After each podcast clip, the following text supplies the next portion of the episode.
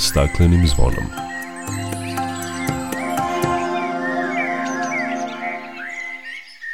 Dobar dan, dobrodošli na Zeleni talas prvog programa radija Radio Televizije Vojvodine. Ja sam Dragana Ratković.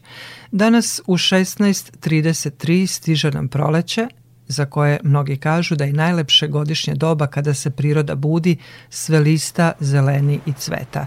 Da je proleće blizu, najavile su nam to i rode koje su počele da pristižu ovih dana.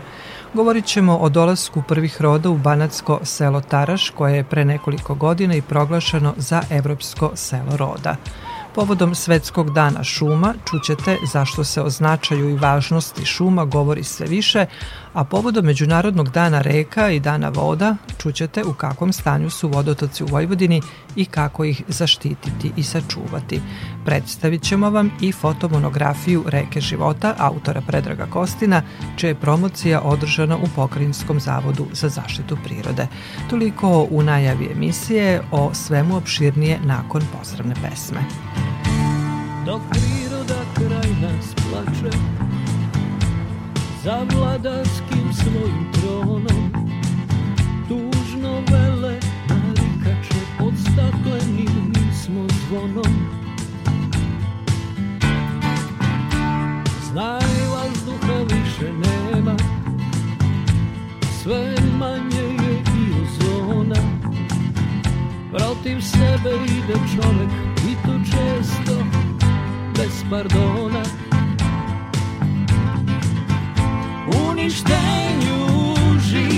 sveta Kao da su ljudi skloni. Čovek sam je sebi meta Zbog njega ovo zvono zvoni Uništenju živog sveta Kao da su ljudi skloni. Čovek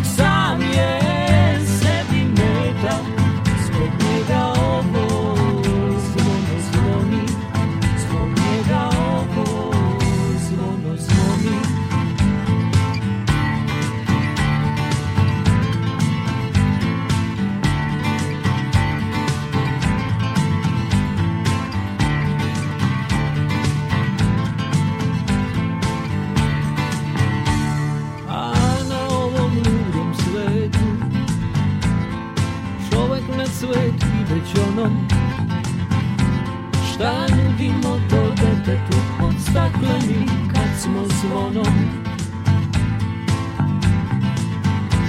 Uništenju živog sveta Kao da su ljudi skloni. Čovek sam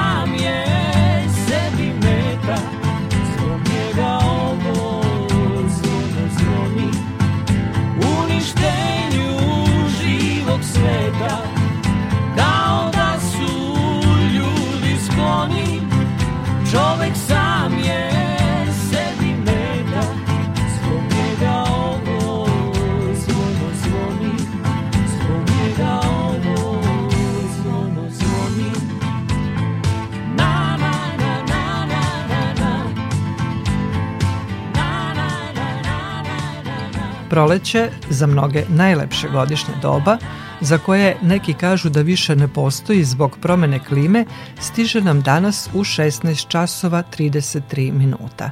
Danas dan i noć traju po 12 sati i taj dan se zove prolećna ravnodnevica. Ove, kao i prethodnih godina, proleće stiže 20. a ne kako su nas učili u školi 21. marta. Kako kažu oni koji se bave kalendarom, u narednih 80 godina proleće će počinjati 20. pa čak i 19. marta. Razlog je upravo kalendar. Proleće će trajati 92 dana, 17 sati i 40 minuta sve do 21. juna, dan manje od leta, ali za utahu 4 dana više od prethodne zime. Po meteorološkim kriterijumima proleće je počelo 1. marta i trajaće do 31. maja.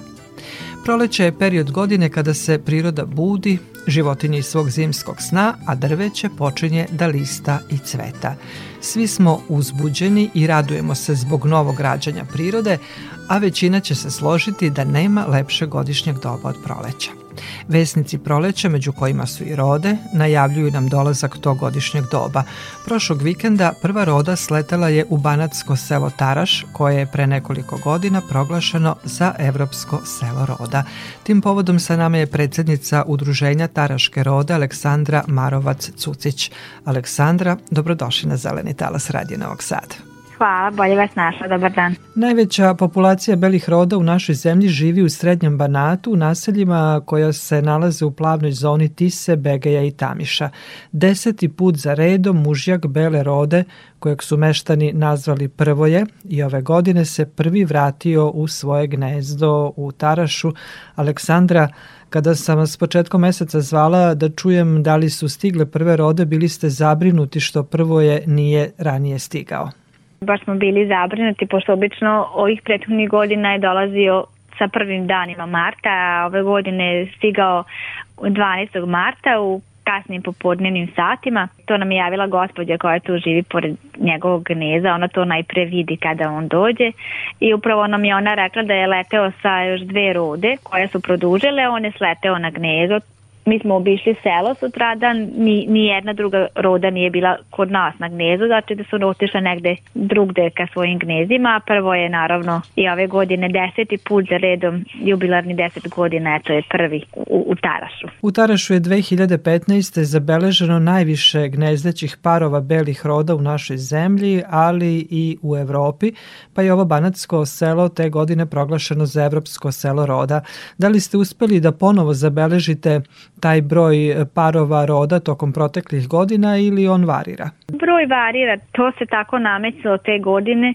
Smo stvarno imali ovaj 40 parova samo u selu plus da kažemo neki 7-8 parova, mi to obično ne spominjemo, ali ispred samog Taraša se nalazi jedno vikend naselje gde se ima 7-8 parova, od 5 do 8 parova, sve zavisno od godine. Ovaj, kolonija je verovatno ista, samo što sad to ni malo dalje, ali u samom selu je tada bilo 40. Inače se kreće od, od najniže 25 eto do 40. Mi smo prošle godine i pretprošle imali po 30 parova, one tamo godine 28, one tamo 26, tako da eto varira ta, taj broj uh, belih roda, verovatno to sve zavisi koliko njih preživi sam put, ovaj, da kažemo, i, i zavisi od, da kažemo, hrane, isto taj broj mladunaca zavisi od godine do godine, zavisnosti toga kakvo, kakvo, je, kakva je godina, da li imaju dovoljno hrane da ih ovaj, podignu sve ili ne, tako da promenljivo je to. U Taraš rode vole da dolaze i da se gnezde, u to smo se uverili. A zašto u Tarašu i drugim selima Banata ima više roda nego u drugim mestima? Koji su razlozi za to? Imamo tu sreću da smo u blizini Tise i to je plavno područje, Ditovi donjeg potisa, to je, da kažemo, zaštićeno područje. Pećana rezervat prirode Okanj Bara, to su vlažne livade u okolini samog sela, tako da sigurno da je upravo hrana razlog zbog, zbog kojeg tolikom broju. A možemo da kažemo i da je ljubav meštana, mi isto njih volimo i verovatno to i one osete.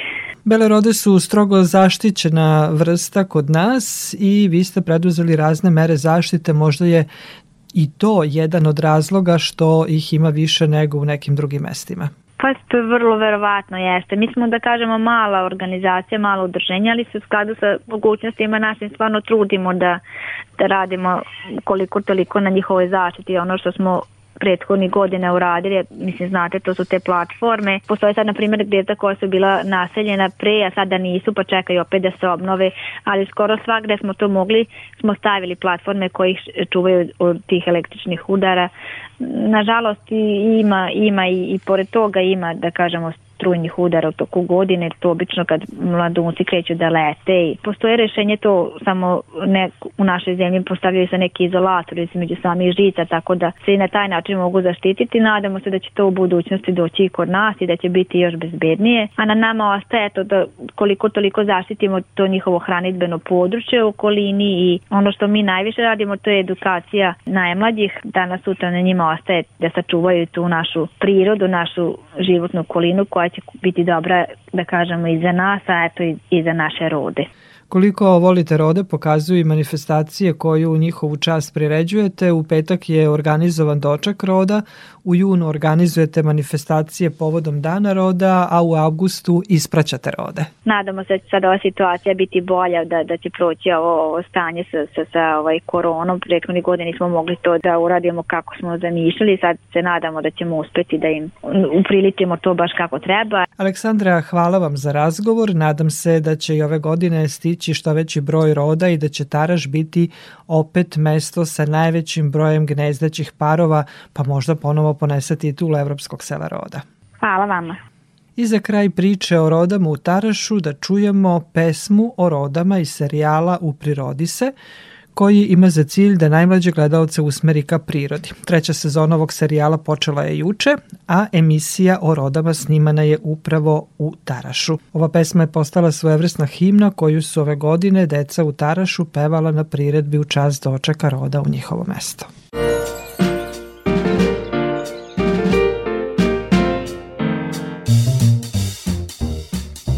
U ravnici u Banatu pored reke Tise Selo roda, selo Taraš, baš tu nalazi se. Preko mora toplim vetrom one dugo jeste. Iz Afrike kad dolete rode se tu gnezde. Priroda im svašta pruža, niko ih ne dira. I na nebu i na zemlji oaza je mira Jer nikom ovde rode nisu neka bića strana. Svaka roda ovde ima status starašana Priroda im svašta pruža, niko ih ne dira. I na nebu i na zemlji oaza je mira Jer nikom ovde rode nisu neka bića strana. Svaka roda ovde ima status starašana Slušate emisiju pod staklenim zvonom. S početkom proleća obeležavaju se i neki važni datumi u ekološkom kalendaru. Svetski dan zaštite šuma obeležava se 21. marta i to je prilika da se podsjetimo na važnost šuma i njihove zaštite. Međunarodni dan šuma ustanovljen je 1971. godine, a Generalna skupština Ujedinjenih nacija je 2012. donela odluku da će Međunarodni dan šuma biti 21. marta na dan prolećne ravnodnevice na severnoj hemisferi, odnosno jesenje na južnoj hemisferi zemlje. Šume u svetu su se, prema podacima Ujedinjenih nacija, u zadnjih 15 godina smanjile za površinu koja je veća od tri Nemačke. Srbija je sve do polovine 19. veka bila obrasla gustim, neprohodnim šumama koje su prekrivale prema nekim procenama oko 80% njene teritorije, ali uništavanje je bilo toliko da se već tada shvatao značaj održavanja i obnavljanja šuma i 1891. godine je donet zakon o šumama. Trenutno je pod šumom u našoj zemlji oko 30 teritorije, u Vojvodini je taj procenat znatno niži, a nacionalnom strategijom pošumljavanja teži se da taj procenat bude povećan na oko 42 do 2050. godine. Iako znamo koliko nam šume znače, nikada se o njihovoj važnosti za ljude, ali i biljni i životinski svet nije više ukazivalo nego u proteklih nekoliko godina. Zašto? Za našu emisiju o tome govori direktor Instituta za nizijsko šumarstvo i zaštitu životne sredine Saša Orlović. Pa verovatno zbog toga što prosto ovi neki problemi zaštite životne sredine dolaze, da kažemo, imaju svoj značaj. Poznato je da postoji intenzivno izagađenje vazduha u celom svetu, da se je saobraćaj izuzetno razvijen, dakle takođe poznato je da imamo intenzivne šumske požare, negde i namerne, uh, u cilju pretvaranja površina u poljoprivredno zemljište, tako da praktično dolazi do smanjenja površina, jel, kad gledamo na jednom svetskom nivou. I iz tog razloga, a znajući je li da šume imaju izuzetan značaj u životnoj sredini, uvezivanje ugljenika, dakle ublažavaju, klima, ublažavaju klimatske promene, značajne su za vode, prečišćavaju vode, dakle čuvaju zemljište od erozije. Kod nas značajno, znači drveće praktično sprečava evodsku eroziju, eroziju koja nastaje usled, usled duvanja vetra, štite poljoprivredne površine, tako da mislim da je to razlog zašto u stvari šume kao da kažemo izuzetno značajna komponenta planetarnog života na planeti Zemlji dobijaju na značaju. Posebno se ističe značaj šuma u kontekstu klimatskih promena. Jeste zato što je poznato dakle da su šume izuzetno velika rezervari ugljenika, dakle procesom fotosinteze usvaja se ugljen dioksid, taj ugljenik se praktično nagomilava u drvnoj masi, odnosno na površini i u zemljištu i praktično na taj način smanjenjem jeli, koncentracije, odnosno usporavanjem rasta koncentracije ugljen dioksida se utiče pozitivno klimatske promene to kažemo da je to stvari neki način ublažavanje ili negativnog dejstva klimatskih promjena. Dakle, to je glavna funkcija vezana za klimatske promjene, vezivanje ugljenika. Koji su osnovni razlozi e, nestanka šuma, odnosno smanjenja površina pod šumama u, u svetu? Pa jedan je svakako urbanizacija, dakle širenje urbanih sredina, dakle imamo sve veće komplekse, gradske komplekse u celom svetu, znači stanovništvo, broj stanovnika se povećava. Drugi je svakako i ekonomski, naime, recimo konkretno, na primjer, imate u Južnoj Americi, u Brazilu, imate situaciju da dolazi do krčenja šuma kako bi se dobile poljoprijedne površine, bilo za pašu, bilo za, kažemo, za ratarsku proizvodnju. U nekim krajevima, naravno, recimo sveta imamo istu situaciju, na primjer, zbog povećanja površina gde se sadi palma, i se palma zbog palminog ulja, takođe to ide na štetu prirodnih šuma, da kažemo. I to u stvari znači to su neki glavni razlozi smanja. Naravno, razlozi su i klimatske promene i veoma često imamo znači šumske požare koji su značajno intenzivniji i češći nego prethodnih decenija, tako da i to dovodi do uništenja i to, tu je problem u stvari u tome ne samo što se na taj način uništava, uništavaju živi svet, nego i to što se na taj način oslobađa ogromna količina ugljen dioksida koji ide u atmosferu, dakle, pa se onda negativan efekt gasova staklene bašte u ovom slučaju ugljen dioksida povećava. Čuli smo kakva je situacija e, globalno u svetu kada je reč o šumama i nestanku šuma, a kada govorimo o našoj zemlji, o Vojvodini, situacija je malo, možemo reći, drugačija, jer mi nemamo tolike površine pod šumama. Pa ako posmatramo celu Republiku Srbiju, znači nekih 30% 29,23%, dakle imamo, imamo površinu pod šumama. Razlika je u sledeća. Naime, u području centralne Srbije to, to područje je više prirodno područje šuma pa imamo situaciju kad stanovništvo migrira, kad ljudi napuštaju recimo neke brdsko-planinska područja, tu imamo i spontano dolazi do nastanka šuma. U Vojvodini je drugačije zato što smo mi u ravnici i Vojvodina je prirodno područje poljoprivredne proizvodnje. Dakle, ovde da bismo osnovali šumu, da bi podigli šumu, moramo mnogo više da radimo. Dakle, mora da se priprema zemljište, da se zasadi, da se neguje pet ili desetak i više godina da bi šuma na neki način nastala. Podaci od nacionalne, o nacionalnoj inventuri šuma pokazat će da postoji povećanje, znači da postoji povećanje i u Vojvodini. Ti podaci se sad sakupljaju, prikupljaju, tako da ovaj pokazuje da ima povećanja, ali naravno to nije razlog da to ne može da bude i bolje i više. Tu se uvek vraćamo na ono pitanje da nemamo odgovarajući zemljišta za podizanje, za podizanje šuma konkretno u Vojvodini i da tu moramo praktično u nekom fondu poljoprivrednih zemljišta tražiti mogućnost da, da se podignu nove šume ili agrošumarski zasad ili vetrozaštitni pojas, nije bitno nije bitno kako ih sad nazivamo, ja to volim da kažem, treba nam površine pod drvećem, kako god izvali, treba nam drveće.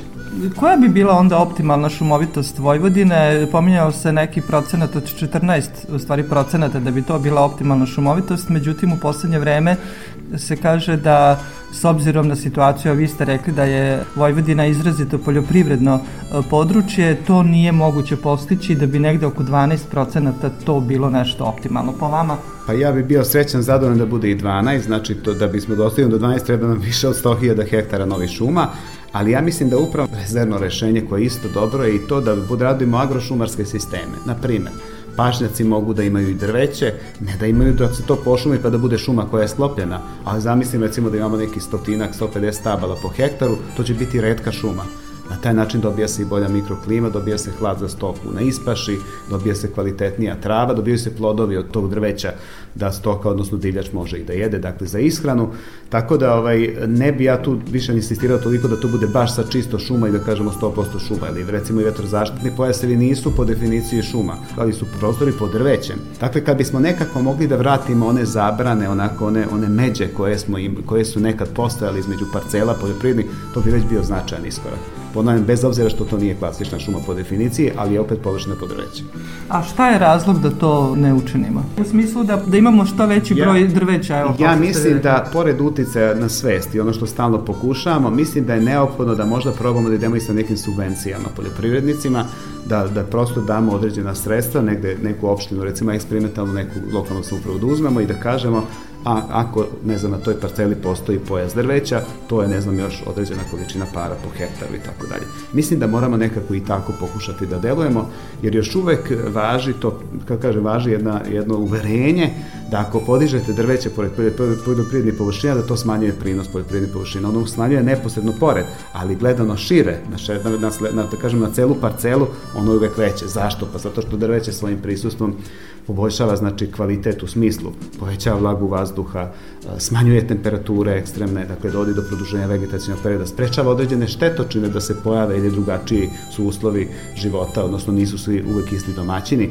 Tako da mislim da možda treba da razmišljamo polako i o nekim subvencijama kojima ćemo pokušati da stimulišemo, da kažemo, tu promenu, promenu svesti, promenu praksi. Neke subvencije, kada je reč o opštinama, postoje. Postoje konkursi konkretno u Vojvodini pokrajinskog sekretarijata za poljoprivredu i na republičkom nivou, ali opštine koje imaju najmanji procenat pošumljenosti se najavljaju na te konkurse. Ja moram da kažem, što se tiče recimo opština ili da kažem aj tako lokalnih samouprava, recimo grad Kikinda važi za izuzetno da kažemo aktivnu lokalnu samoupravu u tom pogledu, oni su zaista popisali su sve svoje zemljište koje imaju gde, i za koje postoji mogućnost da se, da se pot- podiže šuma. Imaju, da kažemo, u komunalnom preduzeću šumarskog inženjera koji brine o svemu tome, rade planska dokumenta. Dakle, ima, da kažem, i dobri primjera. U Kikindi su potpuno svesni da je šuma im neophodna, da drveća treba što više, a da se nalaze u području koje nema dovoljno šuma ni blizu. Tako da ovaj, e, lokalne samouprave zaista treba više da se javljaju, ali ponavljam, opet moraju nekako u svojim planovima opredeliti deo poljoprivrednih površina za pošumljavanje, jer prosto nema drugog zemljišta. Trebalo bi nekako i to naći neki interes. Evo recimo konkretno u Novom Sadu je znači plan da se deo zemljišta koji se ne daje u zakup, da se da pčelarima.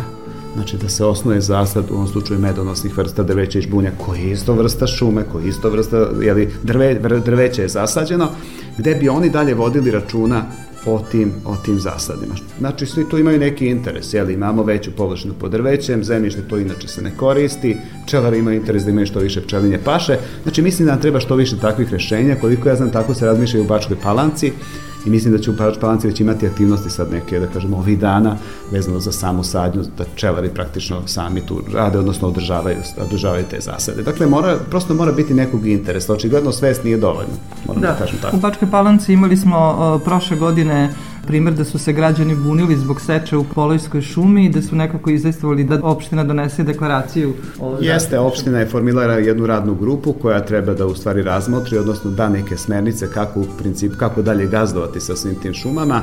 Ta radna grupa još uvek radi. E, Jedno od, jedno od opredeljenja je bilo, odnosno jedno od zahteva je bilo da se sade samo domaće, odnosno autoktone vrste, kako mi to kažemo. U ovom smislu postoje neka određena rešenja gde će se recimo u zasadima topola dodavati i domaće vrste, na taj način praktično dobit će se da imamo i drvo i na neki način e, ispunjene uslove da imamo same domaće autohtone vrste. Naime, moramo shvatiti da šume kao šume nemaju samo funkciju da sačuvamo biodiverzitet. Znači, ok, u redu, čuvat ćemo biodiverzitet, ali šume imaju funkciju i određenog privrednog razvoja, konkretno u našoj zemlji, je tako, znači potrebno nam je i drvo i u drvnoj industriji radi dosta radnika, izvozi se, dakle moramo nekako harmonizovati sve te interese nekako na jednoj površini u tim, da kažem, na toj maloj površini pod šumama, da je nazovem tako u Vojvodini. I za kraj uvek dajemo neku poruku povodom Svetskog dana šuma, koja bi to bila poruka vaša ove godine. Sadnja, sadnja i sadnja. Hvala vam lepo. Molim.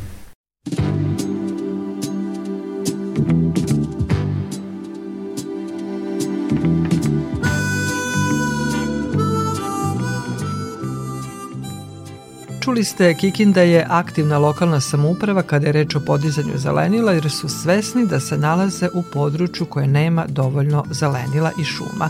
Tokom jesenje i prolećne sadnje posađeno je 15.000 sadnica kako u samom gradu, tako i u okolnim selima. Prolećna sadnja u Kikindi biće završena do kraja marta. Oko 130 sadnica posađeno je u jednoj od poslednjih akcija i one će ukrašavati centralne gradske ulice. O tome iz Kikinde Lidija Vučković.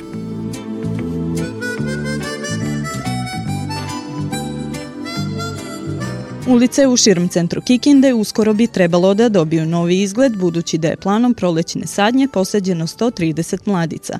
U pitanju su sadnice crvenolisne šljive i kelreuterije, koje su pogodne za život u urbanijim sredinama, priča vlasnik rasadnika u Kikindi Radivoj Lagunčin. Nije visoko drvo, ni jedno ni drugo i, i ne pravi problem kako sa živama, tako ni sa krošnjom. I, i tako, zato njih sadimo ovim ulicama gde ima e, instalacija što dole, što gore. Tako da zbog toga sadimo ove vrste. Kikinda spada u područja sa najmanjim procentom pošumljenosti u Evropi. Zbog toga je svako drvo u tom gradu dragoceno, kaže gradonačelnik Kikinde Nikola Lukač. Grad Kikinda u saradnji i sa pokrenom i sa Republikom u poslednjih nekoliko godina intenzivno radi na pošumljavanju i izdvajamo značajne sredstva kako u gradu, tako dobijamo i donacije od pokreni Republike i siguran sam da ćemo zajedničkim snagama definitivno poboljšati situaciju e, što se tiče šuma i zelenila u Kikindi. Sadnice je obezbedila jedna privatna kompanija što može biti i pozitivan primer drugim firmama kada je u pitanju društvena i ekološka odgovornost,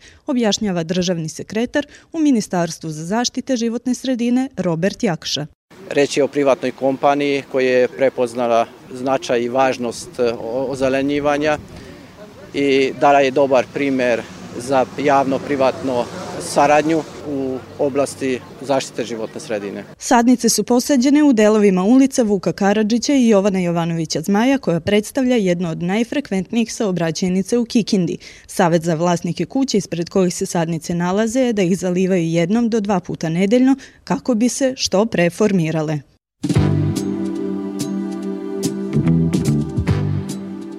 A u okviru nedelje sadnje kompanija Neoplanta posadila je platane na novosadskoj plaži Štrand, koji će građanima ali i turistima pružiti hladovinu i u najtoplijim danima. Nova stabla se nalaze na zelenoj površini pored mosta Sloboda. Zabeležio Milan Rakić. Sadnja je sprovedena u saradnji sa gradskim zelenilom. Saša Ćirić iz Neoplante kaže da je cilj akcije ozelenjavanje grada kako bi Novi Sad bio još lepše mesto za život već prilikom prvog susreta shvatili smo da imamo nešto što nas spaja. To je upravo ovaj platan koji nosi naziv Široko široko kao slogan naše kompanije. Platan je široko zato što ima veliki koren i široku krošnju koja čak može dostići 20 metara, a sama visina platana može biti i do 40 metara. Naš slogan je široko zato što predstavlja širinu Vojvođanske ravnice, široko srce Vojvođana koji e, svakog gosta e, ugoste sa delikatesnim proizvodima i e, širok kvalitet neoplantenih proizvoda po čemu smo prepoznatljivi i kroz koje pokušavamo da čuvamo vojvođansku tradiciju. Sadnja platana na štrandu nije jedini zajednički projekat Neoplante i gradskog zelenila, dodaje Ćirić. Postavili smo žardinjere ispred železničke stanice koje će takođe nositi stabla. Neoplanta je inače investirala u najsavremenije postrojenje za prečišćavanje otpadne vode, tako da sva voda koja ulazi u kanal Dunav-Tisa-Dunav, kanal pored koga se nalazi naša fabrika, je apsolutno čista i na taj način e, čuvamo biljni životinski svet naše kanala i svim e, sugrađanima i onima koji, koji uživaju u pecanju, koji dolaze zbog toga Novi Sad, omogućili smo da nesmetano se bave tim sportom. U narednom periodu biće još akcija o zelenjavanje Novog Sada na kojima će zajedno raditi Gradsko zelenilo i kompanija Neoplanta – kako bi grad poneo titulu zelene prestonice Evrope, rekao je Saša Ćirić.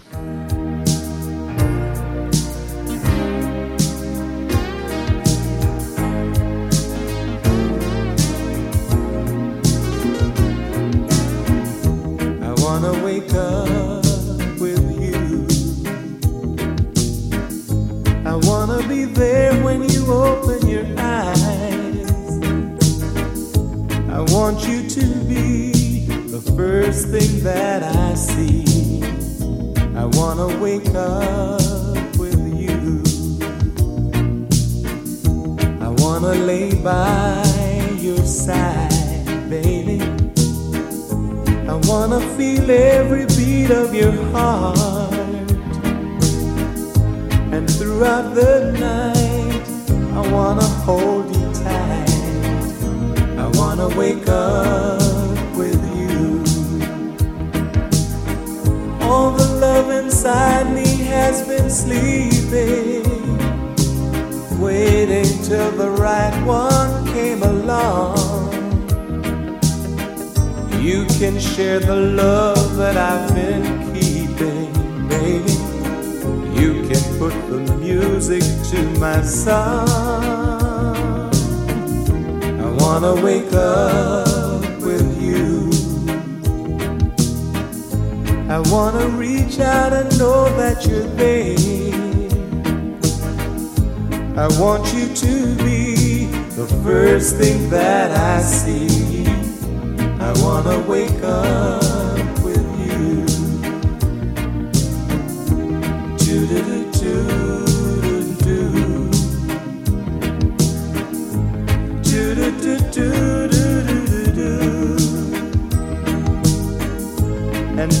the night, I wanna hold you tight. I wanna wake up with you. All the love inside me has been sleeping. Wait until the right one came along. You can share the love that I've been keeping. You can put music to my song. I wanna wake up with you. I wanna reach out and know that you're there. I want you to be the first thing that I see.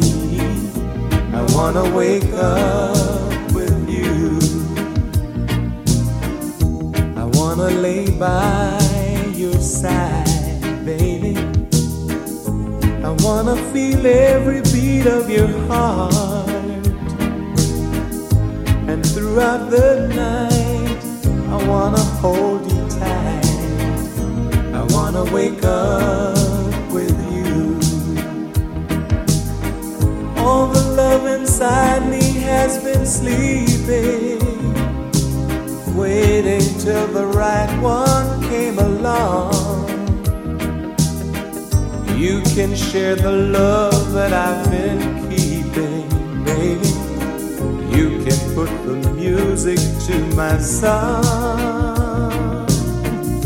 I wanna wake up with you. Slušate emisiju pod staklenim zvonom. Međunarodni dan reka obeležen je 14. marta u više od 60 zemalja sveta. Cilj obeležavanja jeste da se ukaže na značaj i neizmernu vrednost reka. Pravo svih ljudi jeste da imaju čiste reke, koje direktno utiču na jedno od osnovnih ljudskih prava, a to je pravo na zdravu životnu sredinu. Upravo na Međunarodni dan reka poziva se i na odgovornost prema rekama. A 22. marta obeležava se Svetski dan voda, čiji je cilj podizanje svesti o vitalnom značaju vode za zaštitu ljudskog zdravlja, životne sredine i održavanje zdravlja ekosistema planete. Moto ovogodišnjeg dana voda je zaštiti i sačuvaj. A u kakvom stanju su reke u Vojvodini i kako ih zaštititi i sačuvati? Prema rečima Srđana Rončevića na Prirodno-matematičkom fakultetu Departmana za hemiju, biohemiju i zaštitu životne sredine, s jedne strane imamo Dunav, reku koja ima veliku moć samoprečišćavanja, tako da istraživanja pokazuju da je generalno stanje vode u Dunavu dobro, ali problem jeste ispuštanje otpadnih voda i taj problem mora da se reši. Vojvodinu karakteriše veliki broj malih reka, kanala, sistem Dunav-Tisa-Dunav, to su veoma mali vodotoci i nažalost u te vodotoke svoje otpadne vode ispušta oko 500 zagađivača koji uglavnom ispuštaju netretirane otpadne vode. Kroz neke manje kanale gotovo protiču isključivo otpadne vode. Tako da sa te strane prema nekim ocenama kvaliteta i indeksima čak 40% tih vodotoka na teritoriji Vojvodine je lošeg statusa. Kada je reč o najzagađenijem vodotoku, ne samo kod nas, nego i u Evropi, velikom Bačkom kanalu, stanje na deonici Crvenka Kula Vrbas i dalje je kritično zbog velike količine toksičnog mulja koji treba da se ukloni i odloži po posebnim uslovima. Do sada se radilo na projektno-tehničkoj dokumentaciji za izmuljivanje najgore deonice kod Vrbasa u dužini od 6 km, zašto je potrebno mnogo novca, kaže Rončević, i dodaje da u Vojvodini imamo prirodni proces zagađivanja vodotoka koji uz ispuštanje neprečišćenih otpadnih voda dovodi do zagađenja i neophodno je raditi na zaštiti naših vodotoka. Srbija je donela sve propise poput Evrope koji su neophodni da bi se regulisalo zagađivanje njenih vodotoka, samo neophodno da se izgrade postojenja za prečišćavanje otpadnih voda i zagađivači takođe. Oni se kontrolišu i na osnovu toga šta ispuštaju donose se odgovarajuće mere, ali oni moraju da izgrade prečistače da bi zaista stanje se popravilo. Nema drugog načina što se tiče njih. Što se tiče naselja, to je takođe gradnja prečistača, a što se tiče svih nas, to je stalna edukacija stanovništva o, o problemu i o tome šta smemo da ispuštamo, šta ne smemo da ispuštamo. I te reke ne shvatamo kao neka mesta za bacanje otpada, već kao mesta koja svi koristimo i to će nam se vratiti kao bumerang ako o tome ne vodimo računa. Ali sa druge strane i kao društva, kao organizovane zajednice moramo i namenski da rešavamo te probleme i da gradimo postrojenja.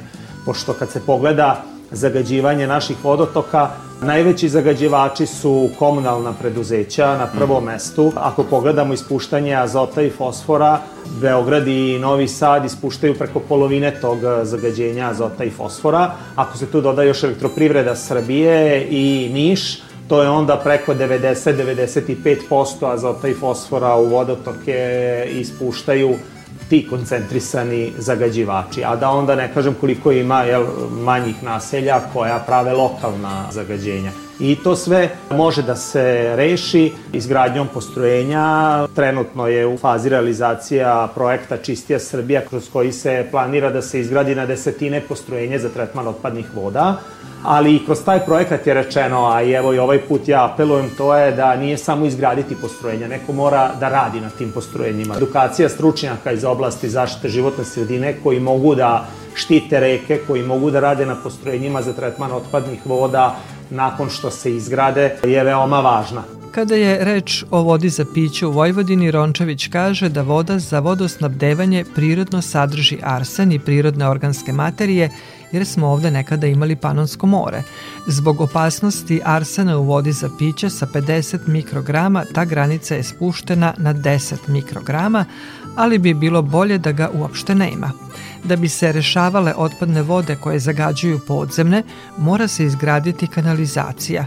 Stepen izgrađenosti kanalizacione mreže sa 35 porastao je na 65% i to je dobro, dodaje on. Sakupljanja voda kroz kanalizacijone sisteme, ali na tome mora raditi i dalje, znači da ostalih 35% ispušta otpadne vode u septičke jame i direktno zagađuje podzemlje tamo gde živi. Tu vodu onda ne može da koristi za vodosnabdevanje. Onda zatim što se tiče izgrađenosti postrojenja, mi negde prečišćavamo ispod 15% tih, znači sakupljenih otpadnih voda ispod 15% se tretira, znači na tome mora da se radi, eto ja se nadam kroz ovaj projekat Čistija Srbija, da kad se izgrade ta planirana postrojenja, da će se tu znatno obuhvatiti veća količina uh, otpadnih voda. A kakav je trenutni status, opet je bitno kakve podatke imamo. Kada se pogleda period od 2012. do 2019.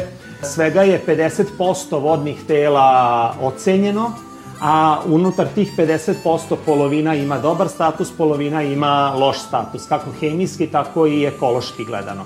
A ako se gleda period od 2017. do 2019. onda je svega 25% vodotoka ocenjeno, odnosno mereno i, i procenjena vrednost i opet i u tih 25% je pola dobrog statusa, pola je lošeg. Tako da e, mora mnogo da se radi jer e, zagađujuće materije se zaista ispuštaju u velikoj količini. Na mjernim mestima, a nisu sva mesta obuhvaćena merenjem, preko 40% uzoraka imalo iznad dozvoljenih koncentracija prioritetne i prioritetne hazardne substance koje mogu da se akumuliraju u organizmu i da kroz duži unos e, pokažu negativno delovanje, jer oni se akumuliraju bioti i kroz lanac ishrane završavaju i u našem organizmu. Ako pogledamo brojke, metali, recimo kao zagađenje, su prisutni u maloj količini, ali opet imaju izuzetno toksično delovanje i ako uzmemo da se kroz otpadne vode godišnje ispusti, na primjer, 150 tona cinka ili 20 tona bakra, i tako dalje, živa i ostalo, onda možemo baš reći da je stanje dobro.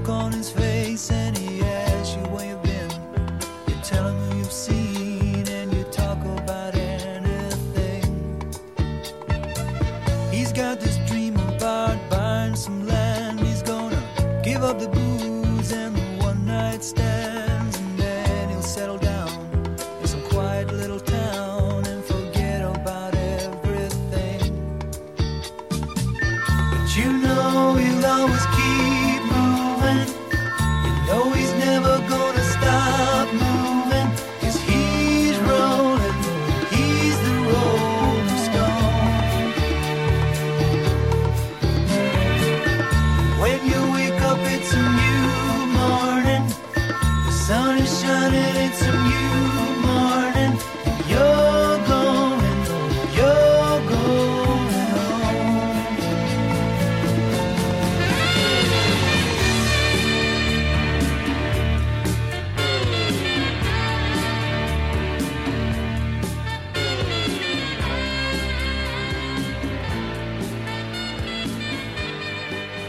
Slušate emisiju pod staklenim zvonom. U Pokrajinskom zavodu za zaštitu prirode održana je promocija fotomonografije Reke života autora Predraga Kostina.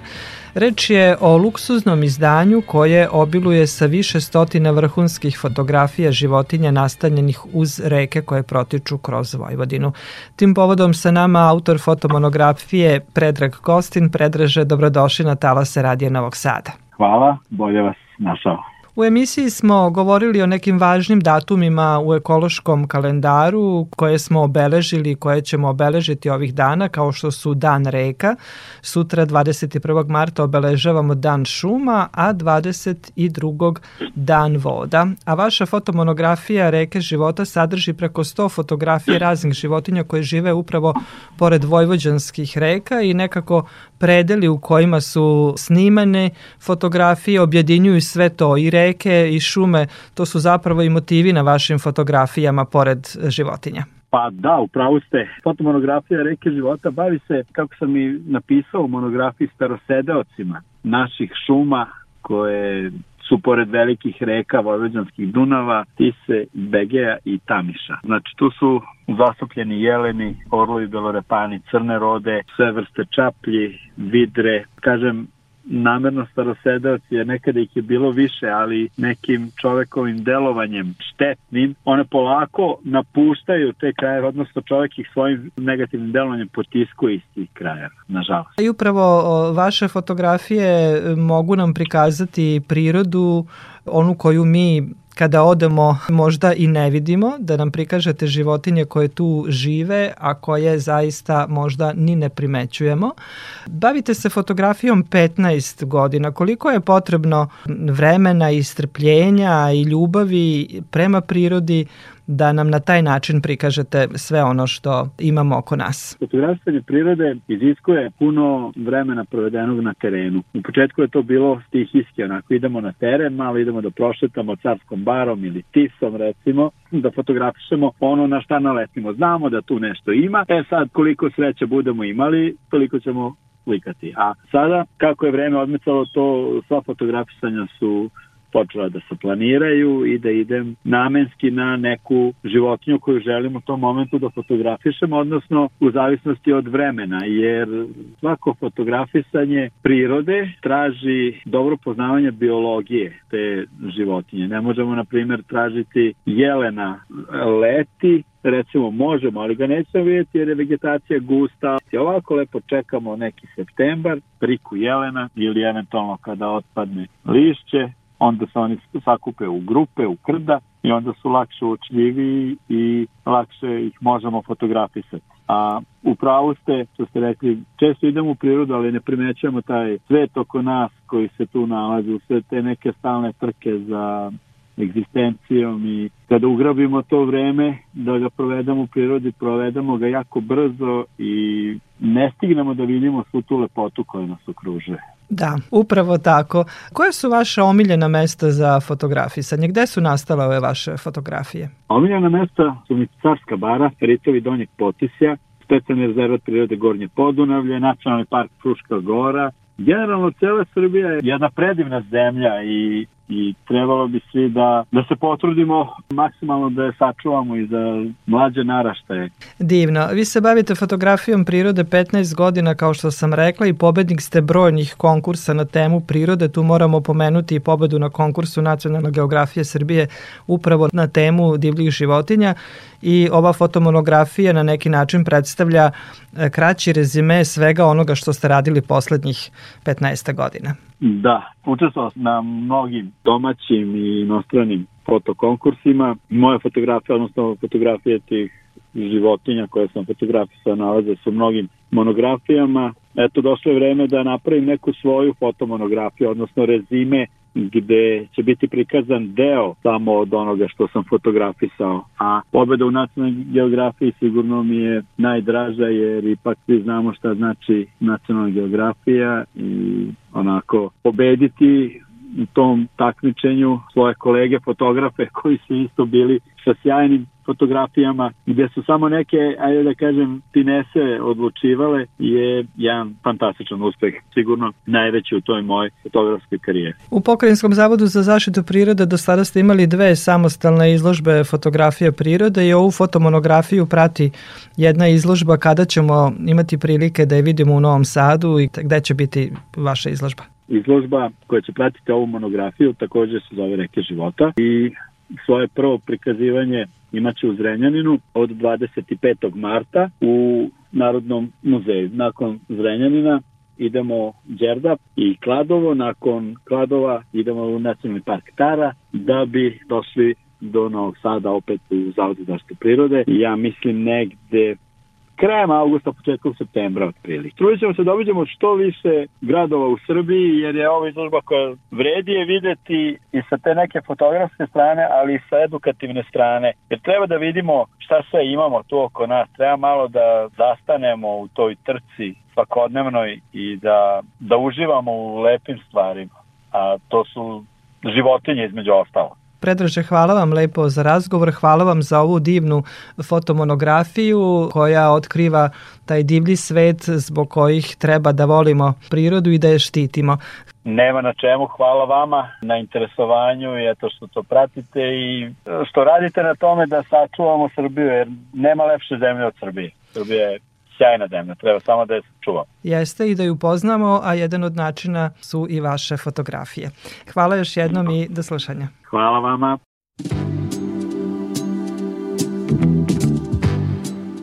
Na predstavljanju fotomonografije Reke života Predraga Kostina govorio je i Oliver Fojkar iz Pokrajinskog zavoda za zaštitu prirode koji je i biolog i filmski stvaralac i autor brojnih filmova o prirodi Vojvodine koji su nagrađivani u zemlji i svetu. Olivere, vi prirodu gledate kroz filmsku kameru, ovde je reč o objektivu fotoaparata. Koji je značaj jedne ovakve fotomonografije za zaštitu i očuvanje prirode Vojvodine? Hvala lepo što ovaj, pratite našu aktivnost Pokrinjskog zavoda za zaštitu prirode. A moram reći da je fotomonografija gospodina Predraga Kostina a reke života jedna zaista predivna fotomonografija koja nam donosi preko stotinu snimaka raznih vrsta koje žive na našim prostorima. Pitate za značaj. Značaj je izuzetan. Kada neki fotograf, filmačija snimi redke životinske vrste koje se ne mogu svaki dan videti, to je nama velika pomoć stručnjacima u zaštiti prirode. Kada ljudi vide kakvi sve to jeleni, crne, orlovi belorepani, ptice, čapnika šikare, jazavci i druge životinje žive u našoj okolini, pored reka, onda oni takođe nam pomažu u našem zadatku da sačuvamo i zaštitimo prirodu koju još uvek imamo očuvanu ovde u našoj lepoj Vojvodini i Srbiji. Tako da značaj ovakve fotomonografije je izuzetno velik i meni je drago da smo evo imali priliku da ugostimo gospodina Predraga Kostina i da promovišemo ovakvu lepu fotomonografiju. Nedavno ste u Pokrinjskom zavodu za zaštitu prirode upriličili i memorialnu izložbu fotografija posvećenu poznatom novosadskom fotoreporteru Jaroslavu Papu, na kojoj su izložene njegove fotografije upravo i vojvođanske prirode i životinje i Novog Sada u proteklih 30 godina koliko je stvarao. Da, i memorialna izložba fotografija gospodina Jaroslava Papa još uvek traje kod nas u zavodu. Tu smo izložili 20 fotografija pre svega jelena, ali raznih drugih životinja koje je gospodin Jaroslav Pap, koji je nažalost prerano otišao i napustio nas. Tako da Jaroslav je bio jedan od najvećih fotografa prirode, ne samo kod nas, nego regionu i mogu slobodno reći u svetu, veliki zaljubljenik koji je svaki svoj slobodan trenutak koristio za fotografisanje prirode i taj dan kad smo imali stvaranje memorialne izložbe se skupio veliki broj prijatelja, fotografa prirode i odali smo još jednom počast našem velikom i dragom Jaroslavu Papu. Divno je što je ovako i kroz fotografije, a i kroz fotomonografiju ovoga puta Predraga Kostina možemo bolje da upoznamo prirodu Vojvodine i da vidimo ono što mi možda ne možemo ili ne bismo videli kada odemo u prirodu. Dakle, to je jedan od načina da bolje upoznamo prirodu, da je bolje e, volimo i više štitimo. Apsolutno ste pravo. Olivere, hvala lepo za razgovor. Hvala vama.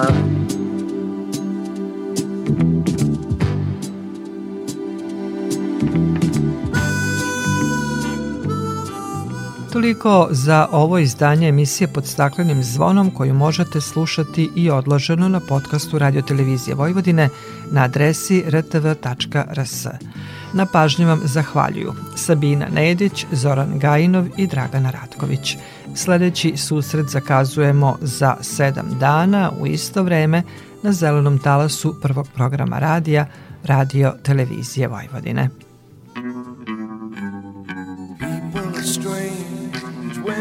Stranger.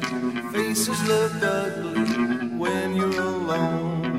Women seem wicked when you're unwanted. Streets are uneven when you're down, when you're strange. Faces come out of the rain when you're strange. No one remembers your name when you're strange.